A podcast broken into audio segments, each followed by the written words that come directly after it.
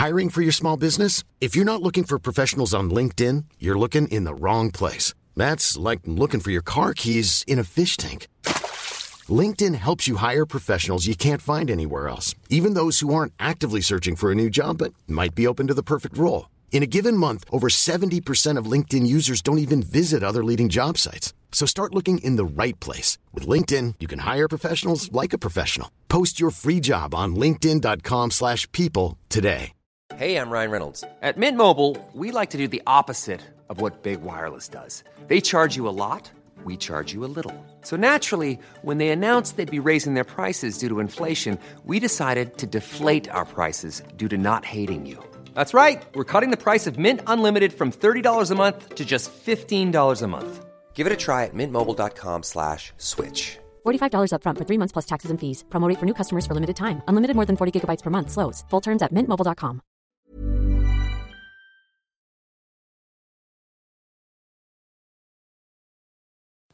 Jag heter Britta. Jag heter Parisa. Välkomna till vår podcast som behandlar veckans viktigaste snackisar, enligt oss i alla fall. Inom aktualiteter och populärkultur. Nu är det dags för avsnitt 29. Vi har kommit riktigt långt. Och ni som följer oss får gärna prenumerera och rita oss i diverse appar som ni redan gör. Hur kåt blir man av emotional labor? En dagsfylla på det och... Trumps senaste anklagare. Allt finns i veckans avsnitt. Tack för att ni lyssnar. Hej Britta! Hej! Hej Britta och hej alla som lyssnar på podcasten. Nu har vi tryckt på record. Vi sitter som vanligt på tisdagar och spelar in vår podcast. Och eh, vi har inte sett sen dess, sen förra veckan. Jo, vi sågs på ett event. Ja, Jenny Hammar var i stan med sina Moreno-ljus. Och då sågs vi. och du var Moreno, ute liksom sent på kvällen för att vara du. Mm, det var jag. Otroligt svullna fötter. Men det vet du vad jag gjorde sen efteråt? Gick och klippte mig. Ja, Körde såklart. hem typ halv ett. Mm. Jag älskar den typen av service. Otroligt vild kväll i alla fall för podden Britta och Parisa. Mm. Vi har jättemycket att prata om idag. Mm. Hur mår du förresten? Mm, jag mår okej. Du mår okej? Mm. Det, du har ju ett barn innanför. Mm, precis. Jag har ett barn som eh, eventuellt hotar med att komma ut lite tidigare. Just det. Jag eh, kniper igen under tiden vi rullar. Mm, please do. Det är grejer som vi har eh, vad säger man? avnjutit under Tre veckan. snabbanalystankar. Nej, inte, det kommer ingen analys här. Här är nog bara tips tror jag. För det första så har jag lyssnat på Cherries Auf Wiedersehen. Men alltså är det veckans mest hypade låt? Med all rätt.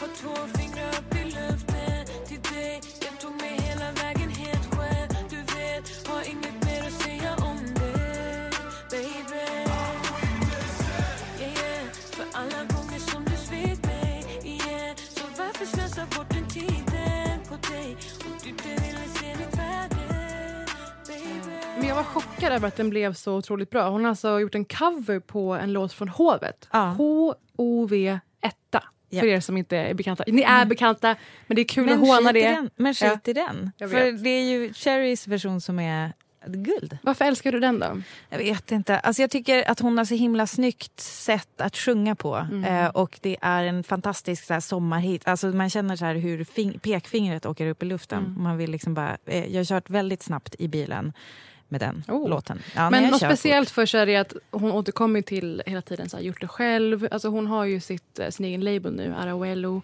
Mm. och har blivit sån maktfaktor i svensk musik. Jag Mm. älskar ju henne sen gammalt och har jobbat med henne. Full disclosure och full skryt. Vi älskar henne. Ja, Bra. favoriterad, eh, fula dig som Mr Bean, det är komedi.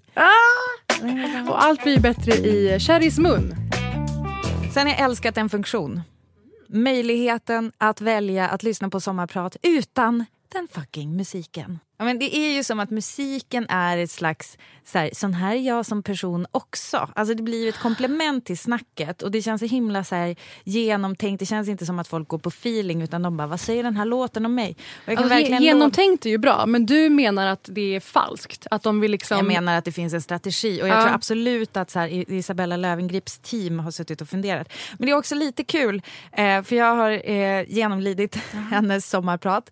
Eh, jag är inte emot Blondinbella. Nej, Eh, jag jag. kanske återkommer till henne senare i podden. Men grejen är att alltså, det är lite så kul tycker jag för alltså, en person som hon som känns så beräknande i allting hon gör. ehm, när hon ska välja musik så ja, det blir ju därefter. Liksom. Vad var det för något du reagerade på? Vilken låt? Nej men att det är typ väldigt mycket ABBA. Det är mycket ABBA. Nej, men det känns här, som en, en artist eh, som väljer låtar är lite, alltså jag får lite så här känslan av utbrytarchassider som bara börjar lyssna på Britney Spears för att de bara, men det här är så här härligt för öronen. Det är på sätt och vis kul. Men jag tänker också att eh, det finns, alltså jag menar hon spelar Ebba Grön, vad är det? Jaha. Då vill man ju bara motsäga, man vill ju bara gå emot bilden av sig själv. Det förstår jag att det är det du menar. Ja, exakt. Och sen så har jag läst... Alltså, det här namnet är ju kontroversiellt, höll jag på att säga, hur man uttalar. Man vill ju säga Caitlin Moran, men jag tror att hon till och med har skrivit Kathleen Moran. Ja, Men det tror jag. Men en favoritförfattare i alla fall och skribent. Och hon skrev häromdagen i The Times om hur hennes kläder blivit hennes fiende helt plötsligt. Mm, det har kommit med åldern. Eh, det är en väldigt, väldigt underhållande text. Jag tycker att ni ska googla fram den. Eh, här kommer en passage som jag tänkte läsa om hur det såg ut när hon plockade fram sina sommarkläder från vinterförvaring. What had previously been a trustworthy thigh skimmer landing just below the knee where God intends all dresses to be, obs inte med om det, men was suddenly clinging to me like a toddler on his first day at nursery. I had neither put on weight nor shrunk it in the wash. It was just inexplicably gluing itself to my bum like a gremlin on a plane wing and emitting roughly the same amount of evil. Varför då? Men alltså, du får läsa texten. Men det, du hör ju, det är ju, det är ju liksom magi i språk. Ja, men vad är det som har hänt med här klänningen? Ge en spoiler. Alltså det verkar som att hon tycker, och det här är också grejen, jag har lite svårt att relatera det till det, men alltså det, det är som att hennes idé är att det helt plötsligt så har bara åldern hänt. Alltså hon, helt plötsligt har hon typ två vuxna barn och så vidare. Det är så här, saker hänt. Det kanske har omfördelats, det är inte nödvändigtvis det som är grejen. Det är bara en väldigt underhållande text. Men jag har liksom själv lite svårt att relatera till det där att på något sätt ens ålder ska sätta stopp för att man ska ha vissa plagg. Hur känner du kring det? Tycker du det finns regler att förhålla sig till? Alltså i, i sista, eller näst sista eh, Broad City som gick, då är de alltså 30 plus och sådär och har sin vanliga livsstil. Och eh, en dörrvakt släpper in dem, eller nej han gör inte, han gör inte det, jo kanske på en klubb. Och han frågar hur gamla de är. Och när han ser ID-kortet så säger han uh, your, your clothes and your faces don't match. för att han tycker att de är för gamla för... Det är de går ju- framförallt Ilana måste man ju säga. Hon går ju runt i som lila halterneck hela tiden i princip. I alla fall läs Caitlin Morans eh, krönika Men- i The Times. Caitlyn är alltså den som skrev eh, How to be a woman som ju blev en alltså, revolutionerande bok.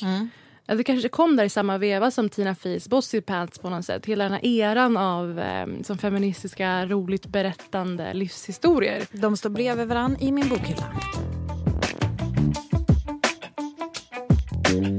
Okej, det, det största som hände nu i veckan det har varit midsommar, absolut. Sverige vann mot Kanada, absolut. Alltså herregud Hedvig Lindahl. Jag såg en bild på Hedvig!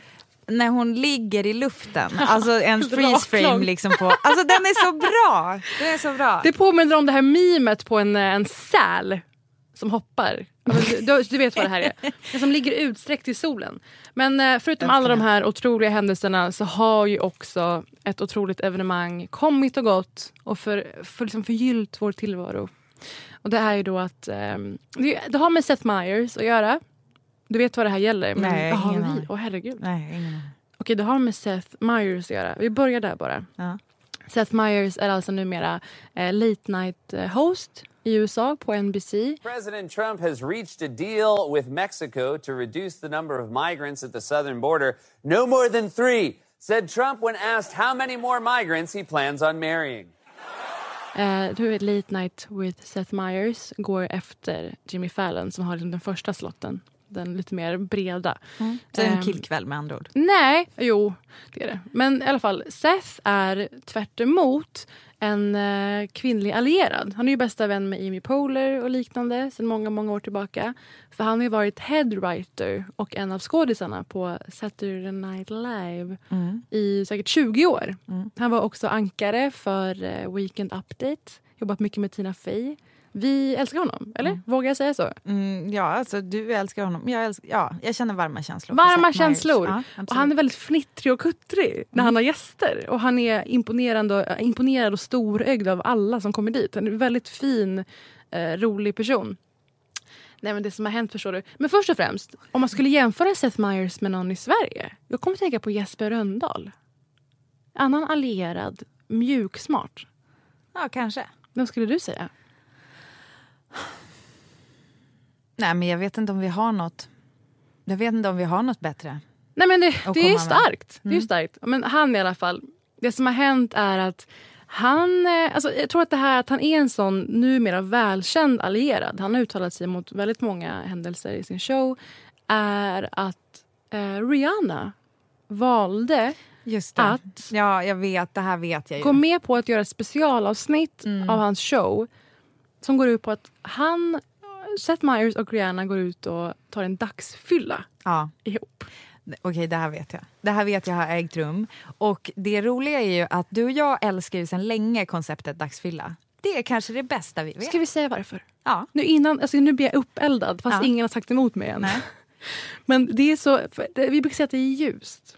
Mm. Jag, jag känner inga, ingen å- ångest, jag är inte omgärdad av folk som kan ha ett questionable alkoholbeteende. Folk kan ju vanligtvis historiskt ha känt när folk tycker på dagen att det här är, det här är mörkt. I alla fall, eh, den här dagsfyllan med Rihanna och Seth Meyers Ja. som ni förstår fyller upp väldigt många av våra grundbehov.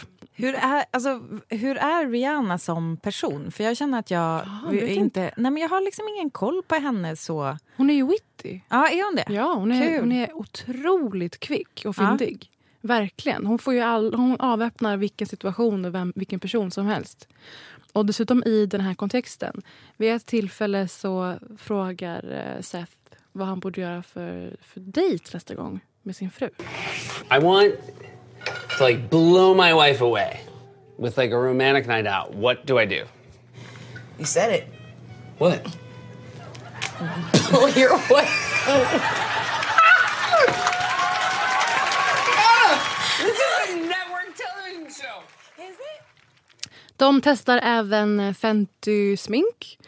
Eh, hon får sminka Seth. De, jag tror att de är på The Jane Hotel i New York har en, en vild eh, dag. Kan ha fortsatt över i en kväll.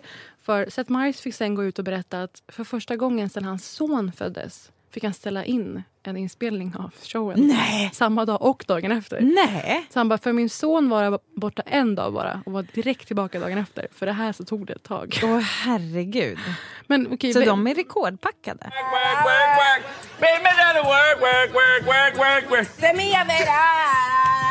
Can we have another shot?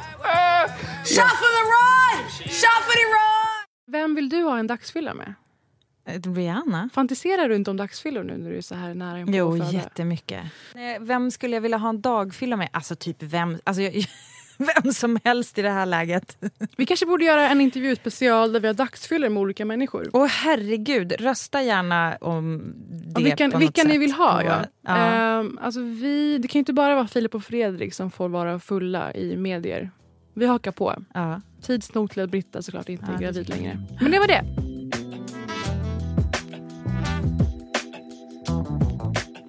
Alltså Parisa, jag har, jag har en grej. Jag har läst lite olika saker på sistone. Och på något sätt så känns det som att de hänger ihop.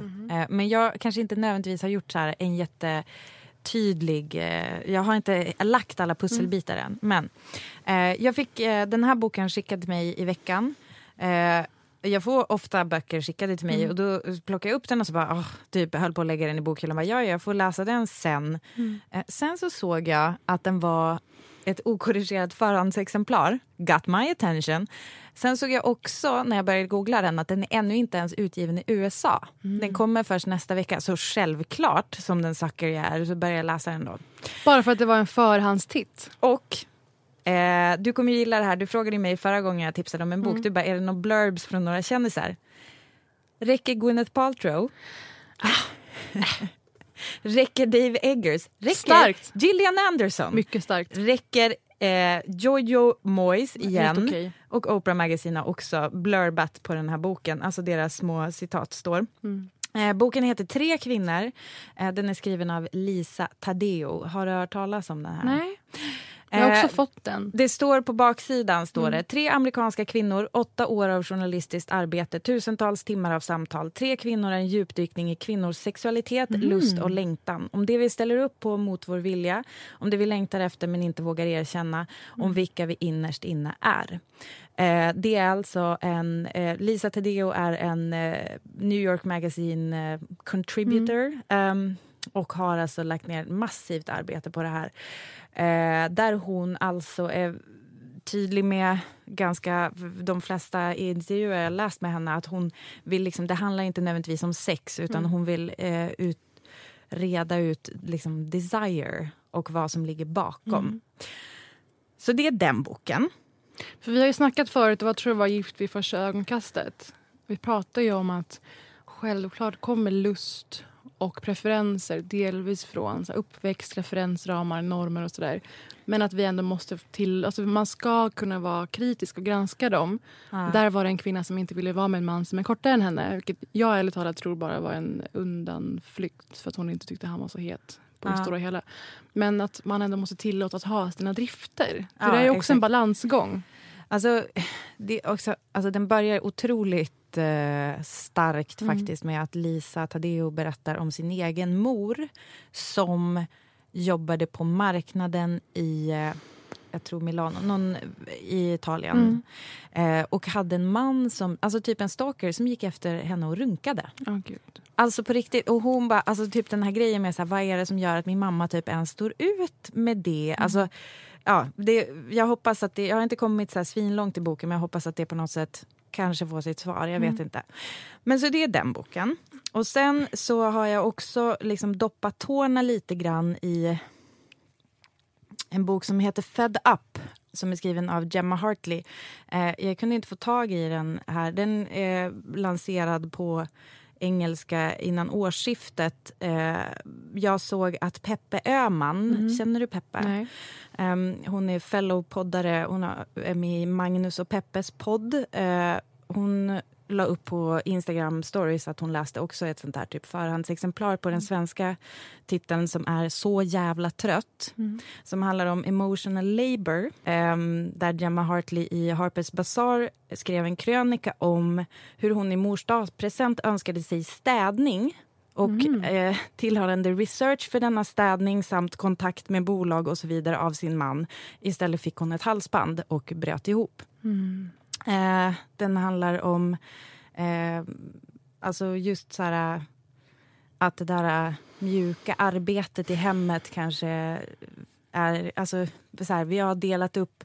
Vi bara, ah, okej, män och kvinnor ska få jobba eh, lika mycket och man städar och håller på men det kanske är alltså, inte de faktiska timmarna utan kanske också de där lite mjuka sakerna som att, liksom att se att behovet finns och så vidare. Ja, det har ju precis varit eh, midsommar. Jag kan tänka mig att många har eh, råkat hamna rakt in i de här gråzonerna. Ja, det blir, Mm. Jag tycker att det blir väldigt tydligt på midsommar. Jag brukar tänka på det när jag är på fest och se så här vilka som börjar duka av bordet först. Mm. Det, eh, det kan ni göra era bekantskapskretsar. Mm. Ehm, men sen så tänkte jag på, jag har också lyssnat på, och det här är så tröttsamt att jag drar, varje, varje vecka ska jag säga något som Dax Shepard har gjort. Nej, men han intervjuar en eh, sex and love addict eh, terapeut. Typ. Intressant. Mm, väldigt intressant. Kan man vara addict av love också numera? Det är faktiskt en ganska stor del av det de pratar om i det här snacket. Eh, Den här terapeuten heter Dr. Alex Katehakis. Um, ehm, och hon pratar just om så här, alltså hur vissa kanske blir så besatta av att få en person att gilla en. Eh, det är ju liksom mer love addict. Alltså det är inte att här- ta emot kärlek. Nej, eller att eh, känna... här, att han, ha- han behandlar mig som skit men jag måste ändå vara i en relation med honom. Mhm. Ehm, det kanske finns folk som relaterar till det. kanske finns i i den här studion alltså gör det just det? nu. Ehm, och det är väldigt, alltså det är superintressant prat men eh, de tar också, i det här pratet så tar de upp eh, eh, liksom vad vi har för drivkrafter liksom bakom sex och njutning och allt det där. Och det är liksom någonting med det här som jag känner hör ihop. Som är lite grann att som jag också börjar tänka på när jag lyssnar på Blondinbellas sommarprat. För hela, hela det är ju väldigt... Förlåt, Isabella Lövengrip. Jag ska kalla henne så som hon vill bli kallad. Men hela den grejen är ju, eh, det är ju som en väldigt... Eh, alltså DNs Greta Thurfjell skrev att det är som en lång CV bara. Alltså så här, det går jättebra på jobbet, jag är bra på att ge energi till andra människor. Eh, det är väldigt så här... Man lär sig inte så mycket av det. Det är inte så här, oj, jag blir knappt berörd. Och det är väldigt mycket för att Blondinbell, förlåt, Isabella inte själv typ verkar vara särskilt berörd av Nej, sin story. Jag tror Eh. att vi pratade ju förra veckan om att hon gick ut och sa att det här blir det sista mediala jag gör och att hon lät väldigt ansträngd på den här konferensen. Jag tror att grejen att hon utgår från att allt hon säger blir granskat och överkritiserat Ja. vad hon än gör. Och att det medför ju en tillvaro där man, är, man håller väldigt hårt på vad man släpper ifrån sig. Man måste vara väldigt liksom, rigorös med allt det där. Och också bara hur, alltså naturen av den där texten du nämnde i DN. Mm. Eh, det var ju väldigt raljant. Mm. Eh, alltså det har ju, när, alltså, mm, sommarprat håller ju väldigt låg verkshöjd överlag, skulle jag säga. Eller? Ja, alltså det måste ju inte vara det. Alltså det är väl det, är väl det, Det, som det är poängen. tre, är väl, fyra som eh, håller från den dagen de sänds. Att lyssna på och lära sig någonting av. Och resterande är ganska navelskådande och mycket självklarheter och banaliteter. mm. Men just henne skulle liksom leverera på något sätt. Mm, men det är nog också... Eller var det absurt dåligt? Eh, jag skulle vilja säga att det var ovanligt... Eh, eller så här. Ja, när hon sen eh, 80% in i snacket berättar att hon också ratear ganska högt på autismspektrat. Ja, jag har en ADHD-diagnos. Och utredningen visade också att jag låg på ett spektra mot Asperger. Det förklarade såklart en del. Att Då förklarar ju det liksom tid, alltså alla 80% som har hänt ditintills. Alltså hon har ju inte eh, kanske tillgång till ett känsloliv på det sättet som gör att hon kan vara ehm, alltså, eh, liksom dela med sig av sina hardships på ett sätt som är relaterbart. Men jag orkar inte med det. Vi pratar ju jättemycket om eh, sårbarhetssäljet. Mm. Att eh, sårbar är den, den nya sexiga som Ja. säljer. Fan vad skönt med någon som inte Ja. vill sälja Och ut sitt emotionella känsloliv. Det kan jag hålla med om, men däremot så känner jag så här... ehm, vad, vad kan jag lära mig av att lyssna på det här? Och det jag kan lära mig när allting har gått bra och allt är toppen och nu tar jag sikte på USA. Hej då Sverige. Alltså, så här, jag kan bara, och det är ju ytterst subjektivt. Det här är ju min personliga åsikt. Liksom, hur ber, mycket berörde det mig och vad lärde jag mig? Ingenting. Därför att det var väldigt mycket så som jag förväntar mig att Blondinbella ska vara. Och det tror jag också var meningen. Alltså, allt hon gör är ju jättegenomtänkt och som jag sa, liksom, med musikval och så vidare. Ehm, men det är liksom en, en så här typ en väldigt, väldigt eh, lyckad person som berättar om hur lyckat allting är. Och det unnar jag henne, absolut. Men jag jag, förstår lär mig också ingenting henne. av Jag det. förstår också henne. Gör du det? Jag tycker vi lever i en tid där alltså, sårbarhet ska vara, ska vara i noga doser. Och eh, inte obekvämt för folk att ta del av. Jag vet att Blondin väl har haft en väldigt jobbig uppväxt med sin familj. Pratar hon inte om det? Jo, hon pratar om det. Så men därför tror jag att hon har en väldig... Därför tror jag att hon har en väldig återupprättelse, underdog-syn på sig själv och på sin medverkan i Sommarprat. Så det jag menar när jag förstår henne, jag förstår hennes, var hon kommer ifrån. och Jag förstår varför hon har gjort de valen hon har gjort i sitt liv. Att är stå, stålsätta också. sig. För jag, jag skulle komma till det. Alltså jag har ju inte den tryggheten att släppa på mina sårbarheter. För att jag skulle inte tillåtas göra det medialt. Eller jag har gjort det ett par gånger i den här podden. Men du har aldrig sett mig vara privat eller personlig i någon annans, någon annans plattform. För det är så många som vill hata på kvinnor. Speciellt 2019. Och vad, alltså, så du Hon menar att visste det är ju en om att hon medveten ändå strategi? skulle, hon skulle ändå bli hatad på hur hon än gjorde. Så alltså, då kände hon att så här, det här blir mitt sista fuck off till Sverige.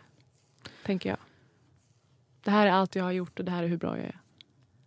Men ehm, om vi säger så här då, Mm. vad, vad är poängen med, vad är det som ett sommarprat då tillför som man inte redan ser i alla hennes kanaler? Det är det jag menar. Jag tror inte hon tänker på dig som mottagare. Utan jag tror att hon med den återupprättelseviljan av att ha varit mobbad som ung och sen bara konstant här, övergranskad och hår, eh, hånad och satiriserad har den stålsättningen. Och sen så kan jag hålla med om att det inte ger så mycket hit och dit.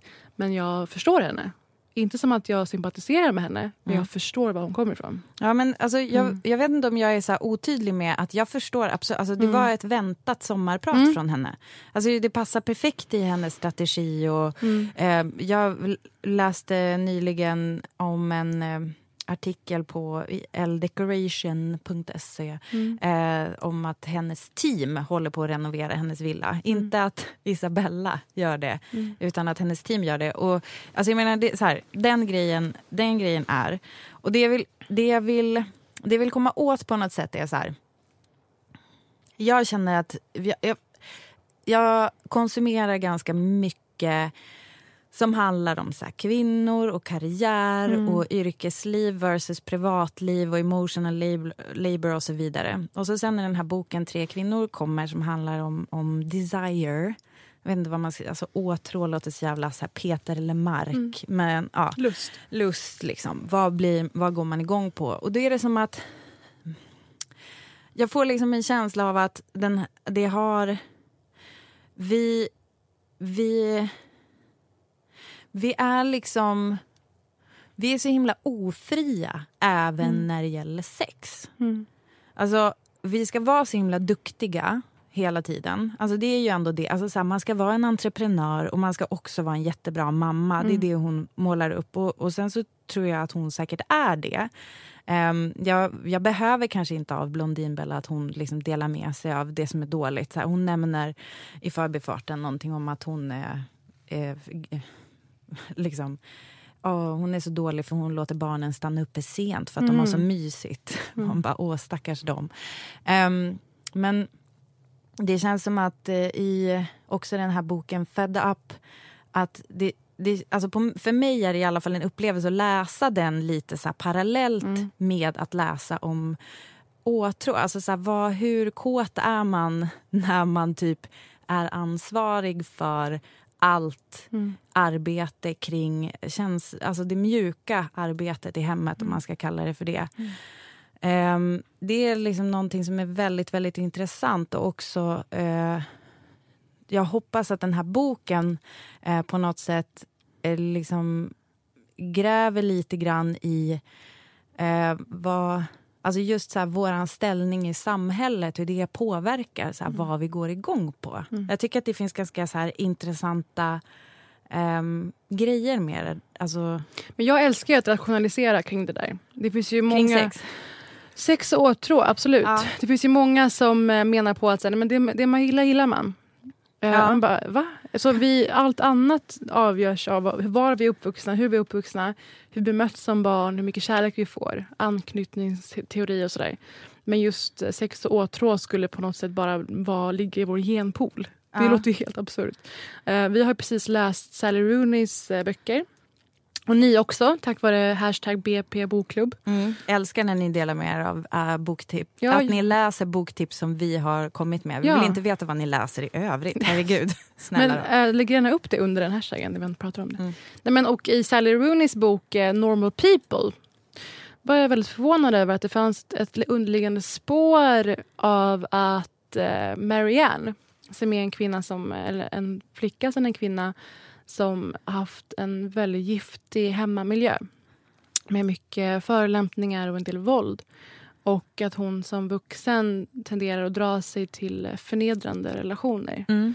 Eh, där det alltid är villkorat. Kärleken till henne, eller som hon tar emot, är alltid villkorad. Och som svar på det så hon, låt, låter hon saker eh, hända mo- mot henne. Mm. Både emotionellt och fysiskt. Och det är det som kanske... Jag kan tänka mig att vissa blir arga på det. För att det finns ju kopplingar till BDSM och sånt i det. Nu, nu är ju inte det solklart det. Men överlag så har man ju sett på sånt eller våldsinslag i sex som att så här, men det är den lust man har. Och sen har man inte fått prata mer om det. Det är väldigt intressant för just den där grejen tar de faktiskt upp, den här Dr. Alice Katihakis. Hon pratar om det att så här, ehm, för att man kan ju tänka så här, ja okej om det är någon som eh, eh, har varit med om ett trauma och Mm. då därigenom liksom går igång på en viss grej. Så här, är det så fel? Då? Alltså om Mm. det är personens sätt att hantera det. Men då, hon pratar om att det finns ju en destruktivitet Mm. i det och det tycker jag men det beror ju verkligen på vilka ögon man har. Men att Marianne i den här boken Mm.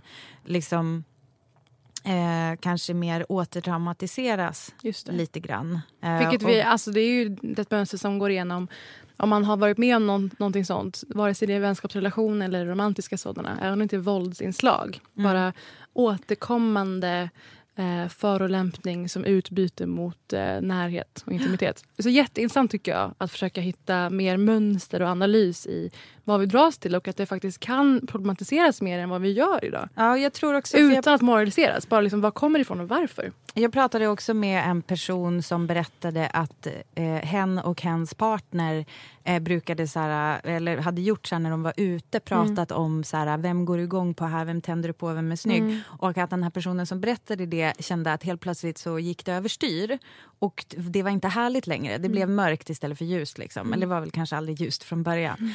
Eh, och just den grejen, alltså jag, jag känner så här, det finns någonting med ehm, och i den här boken också, Tre kvinnor, så är det en tjej som heter, en kvinna som heter Sloan som eh, har som grej med sin man att hon ligger med andra män och han tittar på.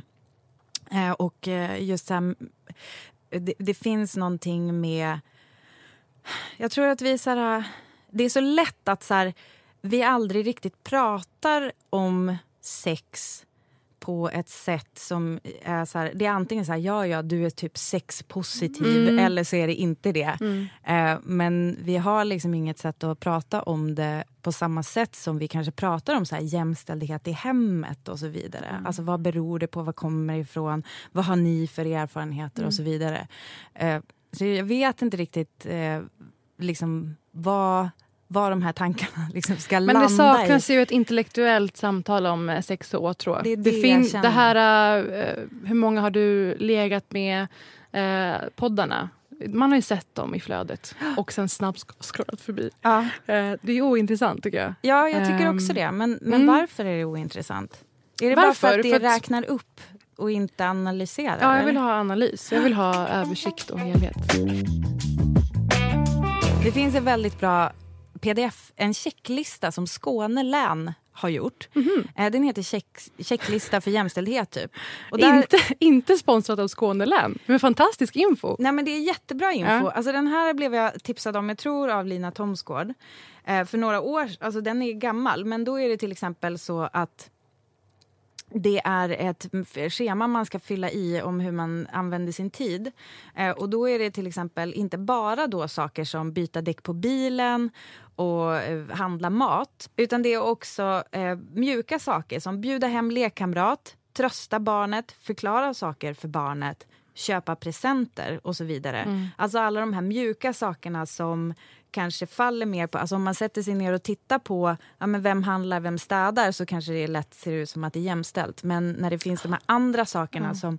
Vem är det som funderar över om det behövs vinterkläder? Vem är det som märker... Alltså det, nu är jag väldigt barnorienterad men alltså, du vet det finns så här... Plan, alltså även om det är en som lagar mat, vem är det som planerar maten? Vem är det som handlar? Det känns som att det finns ett svar på de här frågorna. Ja, och tänk om... och den, här check, den här checklistan är svinlätt att hitta. Det var googla Skåne Vad kul! Vi lägger Ja. upp den. Vi, vi kan lägga upp länk till den. Men tänk om det skulle finnas en sån typ med sex. Ja. Men det här har jag hört i, jag lyssnar på en del poddar som är mycket så här, parterapi och parteori. Eh, eh, jag är jättefascinerad av det. Dynamikerna och vad det väcker i eh, den ena och den andra. Och eh, just det här med så, ansvar, planering för relationen i stort eller hemmet eller vad det kan vara. Eh, och liksom förväntad lust. Förväntad lust är jätteintressant. Att, och när det oftast är att man, folk inte ligger med varandra så är det oftast att terapeuten säger till mannen så här, men känner, gör du att hon känner sig stöttad i Mm. det här och det här. Men jag gör ju det här och det här men det är först när hon har sagt någonting. Och då tappar man ju respekten för varandra. Mm. Så skitintressant. Förväntad lust. Jag tror Ester Perell har en del avsnitt på detta. Hon också. har absolut en del. Alltså, Ja. Det kanske från henne undermedvetet det här kommer från början. Det var Alltså, det. Det var den sista jag är så pusselbiten. enkel. Ja, exakt. Konsumera lite mer Ester Perel så hörs vi sen. Gud vad många bra tips. Vad kul.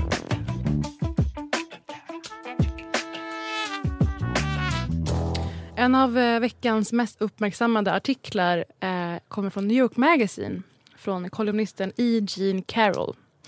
Hon har skrivit i L i 26 år. Hon har varit en kolumnist där som ger råd. Ask E. Jean. Hon är nu 75 år gammal.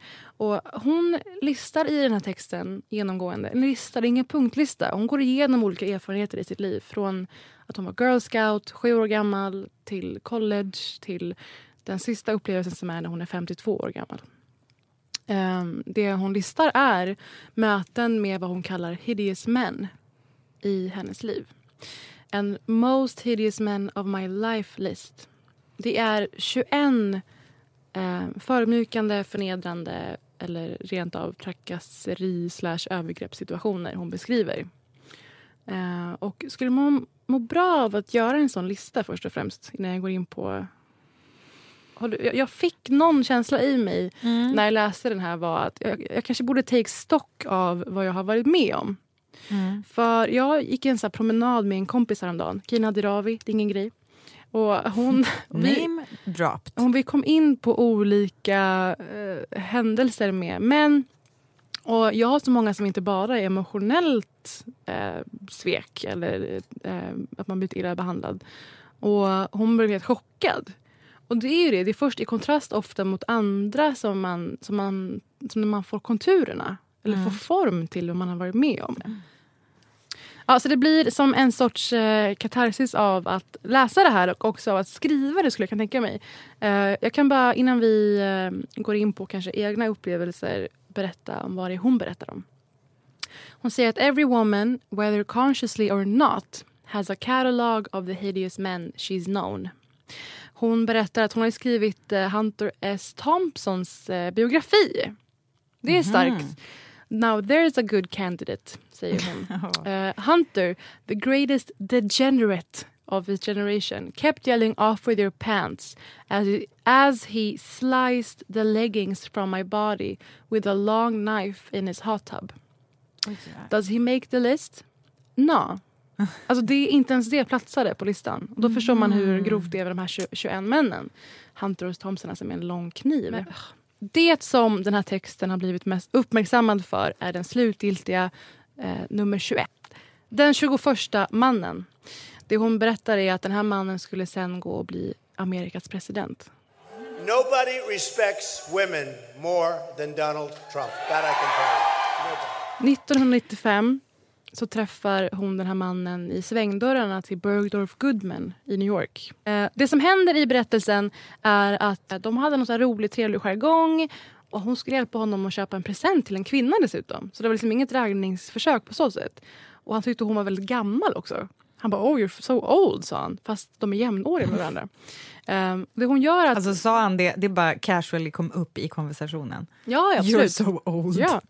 Eh, hon eh, Classy. går med honom till omklädningsrummen. Och då kan man vara så här, men gud vem gör det? Men man, man förstår när man läser texten att de har, hon ska hjälpa honom och han ska liksom prova någonting över sina byxor. Typ. De, de har något så här skämt på gång. Ehm, när de kommer till den, det området av la- lingerieavdelningen då trycker han in henne, stänger dörren eh, trycker upp henne mot väggen så hon slår i huvudet väldigt hårt och, och tvångskysser henne, tvånglar henne. I am so shocked I shove him back and start laughing. He seizes both my arms and pushes me up against the wall a second time. Uh, I become aware of how large he is. He holds me against the wall with his shoulders and jams his hand under my coat dress and pulls down my tights. Det som blir intressant, eller intressant, är något väldigt starkt av det här är omslaget. Där vi ser en nu 73-årig kvinna i de exakta kläderna som hon bar när det här hände för 23 år sedan. Hon står med armarna i kors i en Donna Karen eh, jacket. Och effekterna den blir, det blir många effekter av det. Dels så känns det mer nära till hands den här händelsen. Man upplever det igen starkare, djupare i och med omslaget. Mm. Du måste också säga vad det står på omslaget. This is what I was wearing 23 years ago when Donald Trump attacked me in a Bergdorf Goodman dressing room. Det är också det här med att bli trodd. Att hon försöker förstärka det. Och det är det här med vad hade du på dig vid tillfället? Den typen av kommentarer. Hon har på sig Mm. svarta tjocka tights och en lång boxig kavaj. Mm, väldigt snyggt. Alltså som en kavajklänning. Otroligt snygg. Hon fortsätter. Eh, the next moment, still wearing correct business attire. Shirt, tie, suit jacket, overcoat. He unzips his pants and forcing his fingers around my private area thrusts his penis halfway or completely, I'm not certain, stark Mm. side note, inside me. It turns into a colossal struggle. I try to push him off with my one free hand and finally get a knee up high enough to push him out and off and I run out of the dressing room. Hon berättar att hon anmälde inte det här. Två personer i hennes liv, har, alltså bara två, har någonsin fått höra om det här. För så är det ju. Det är mycket skam inblandat och Mm. mycket ångest. Ehm, och det som har hänt efter det här är ju på något sätt eh, också fruktansvärt. Hon berättar That was my last hideous man. I have never had sex with anybody ever again. Det, det fan, varför, var, varför kändes det... Jag säger inte att det kändes sorgligare än själva övergreppet. Men det säger någonting om traumat och svansen trauman har i våra liv. Att, det sen, att vi sen eh, förnekar oss själva njutning, förnekar oss själva leva till fullo. Eh, och när hon berättade i den här, hon är ju då en väldigt välkänd, tung journalist. Eh, New York Times fick eh, kritik för att de inte gjorde en tillräckligt stor grej av det här. De hade en ganska nertonad, liten, liten återberättande text och fått jättemycket skit för det. Så de har Hur fått gå, du? gå ut och be om ursäkt till och med, New York Times. Alltså, Efter att den här publicerades förra veckan så skrev New York Times en liksom kort liten eh, notis om det här i princip. Aha, okay. Som folk tyckte var väldigt respektlös och tonade ner trovärdigheten och vem du var och sådär. Mhm. De har gått ut och bett om ursäkt. Och sen då det väldigt, väldigt kända av vad som har hänt här, som det finns mycket att lära av, är ju att han gick ut och som försvar sa I'll say with great respect. Number one, she's not my type. Number two, it never happened. Och det här hade du också hört om. Ja, men precis. Alltså det där, she's not my type. Alltså, och jag menar, vadå? Har, man- Alltså, har man en type för vem man våldtar? Ja, exakt. Hur är det relevant? Och är det... um, Alltså det, det- vet, du vad, vet du vad det där får... Alltså, det påminner mig om... eh, Jag vet inte om jag berättade det. Jag har jobbat med en person Mm. som blivit... Alltså efter, alltså, efter medelåldern blivit liksom eh, förgripen på, säger man Mm. så, av... Nej, vad säger man? Attackerad av en, eh, en yngre eh, känd svensk Mhm. man. Ehm, och hon, anledningen varför hon inte anmälde, och, fast hon gjorde det till slut, och det här kanske går att hitta i liksom, den typ, alltså så här kvällstidning om man googlar, jag vet inte, Mm. men jag bara låter det här vara anonymt så att det inte blossar upp någon ny grej. Men eh, hon, alltså det var ju just för att hon bara, vem ska tro mig? Jag är över 50. Alltså, Mm. vem ska tro? För det var ju vad han sa till henne. Alltså typ så här, ah, ja, Varför, varför typ, skulle jag ha knullat med varför dig? skulle jag vilja det? Ja. Alltså titta på dig själv typ. Och det är liksom, det är, så, Mm. ex- det är som en extra förnedring i det. Att det är så här, 100%. du är inte ens värd att våldta. Alltså Mm. inte bara så här, har jag inte våldtagit Mm. dig, utan jag skulle inte välja dig Mm. om jag gjorde det. Vilket det här, är helt alltså irrelevant. det här hamnar ju i facket av till exempel varför hade han behövt våldta någon? Han är så snygg. Mm. Det kom ju till James Francos eh, försvar väldigt bra när han blev metoo-anklagad. Det var ju nog många som såg förbi det med, det, med den tanken, medvetet eller inte, att men han är så snygg, varför skulle han ha behövt det ena och det andra? Det är också Mm. en, en gammal bild som lever kvar. Och jag tror att det här, alltså äldre kvinnor som blir utsatta för övergrepp och som berättar om det också i äldre ålder, att det är en faktor för sig. Det är en förnedring för sig. Som alla måste ju hanteras olika. När det finns bakgrunder som eh, ras eller bakgrunder av social klass så är det Mm. här också en sorts idé. Men grejen är ju så här, våldtäkt, eh, alltså, vi, vi kan ha varit inne på det här tidigare, men alltså, och jag har inte doktorerat i det här, men jag tror inte, det handlar ju inte om Eh, liksom, åh, jag är kåt på dig, eh, Nej, nej. jag går igång, jag blev kåt, nu behöver jag ligga med dig. Utan det är ju ett maktbeteende. Mm. Det är, ett, alltså, det är, ett, det, det är liksom en, en hållning man har gentemot andra människor, att man tar sig den Mm. rätten. Eh, det är ett sätt att dominera någon annan, det Mm. är ett sätt att, det, jag tror inte att det nödvändigtvis ens har att göra med den andra personen, utan det är någonting inom Mm. den personen som är förövaren som bara kör på. Mm. Liksom.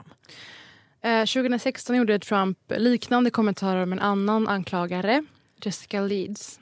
Eh, hon menar att han eh, tog på henne på ett flygplan på 80-talet. Ehm, så här sa han då. Addressing crowds at a rally, Mr Trump said she would not be my first choice.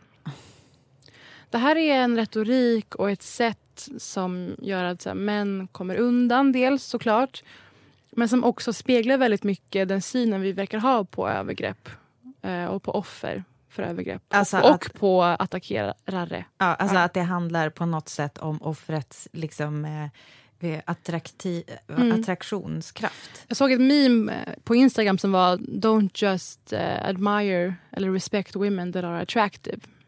Det är ju lite den eran nu. Man ska både vara, man ska både vara briljant, framgångsrik och eh, liksom både estetiskt och sexuellt eh, attraktiv. Jag alltså, hatar typ Instagram mer och mer för varje dag.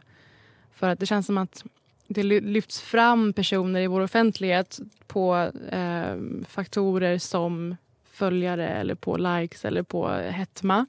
Eh, nu vet inte jag, alltså, det, det är ju ett problem. Men också att det krävs av folk som bara har ett fantastiskt hantverk eller är smarta eller vad det nu må vara att också leva upp till vissa normer eller en viss standard för hur mycket man ska lägga upp eller hur snygg man ska vara. Och det hör ju ihop. Um, och jag tycker att det här är jätteintressant. Men jag fick för mig, jag vill, alltså det här med listan på hideous män. Mm.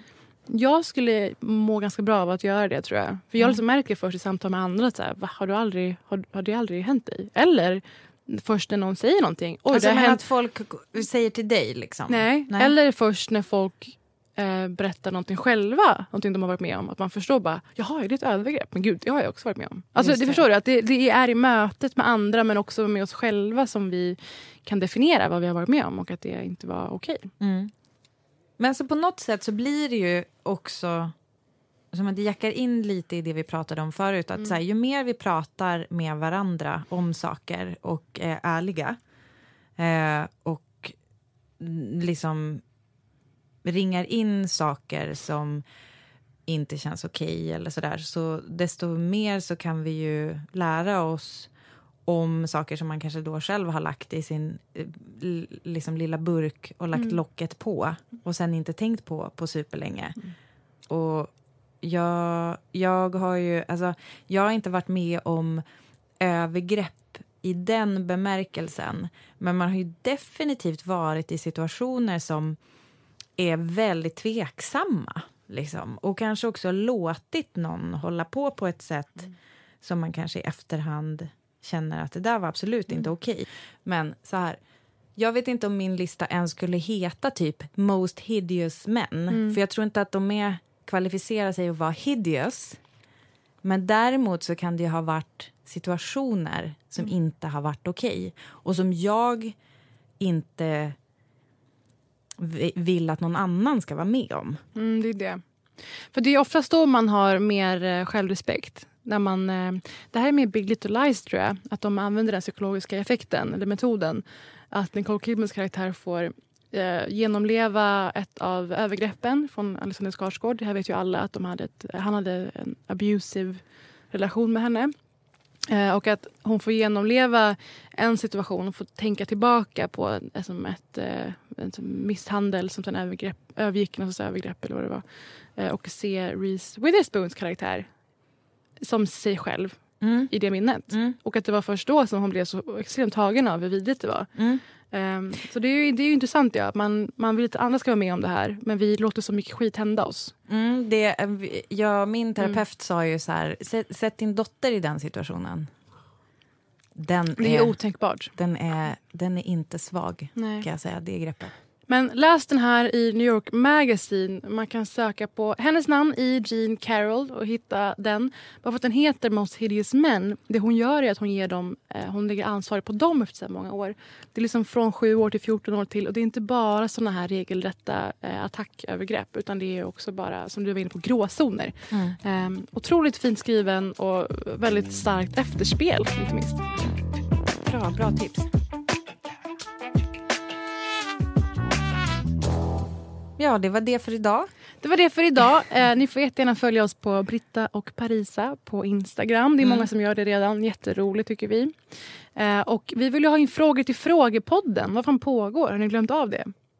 Det hade jag glömt av. Ja, jag vet. Men vi jag måste inte ha fler frågor. Jag ska, skicka in, jag, ska skriva, jag ska skriva fem stycken nu. Parisa var ju bäst med, bäst med Britta.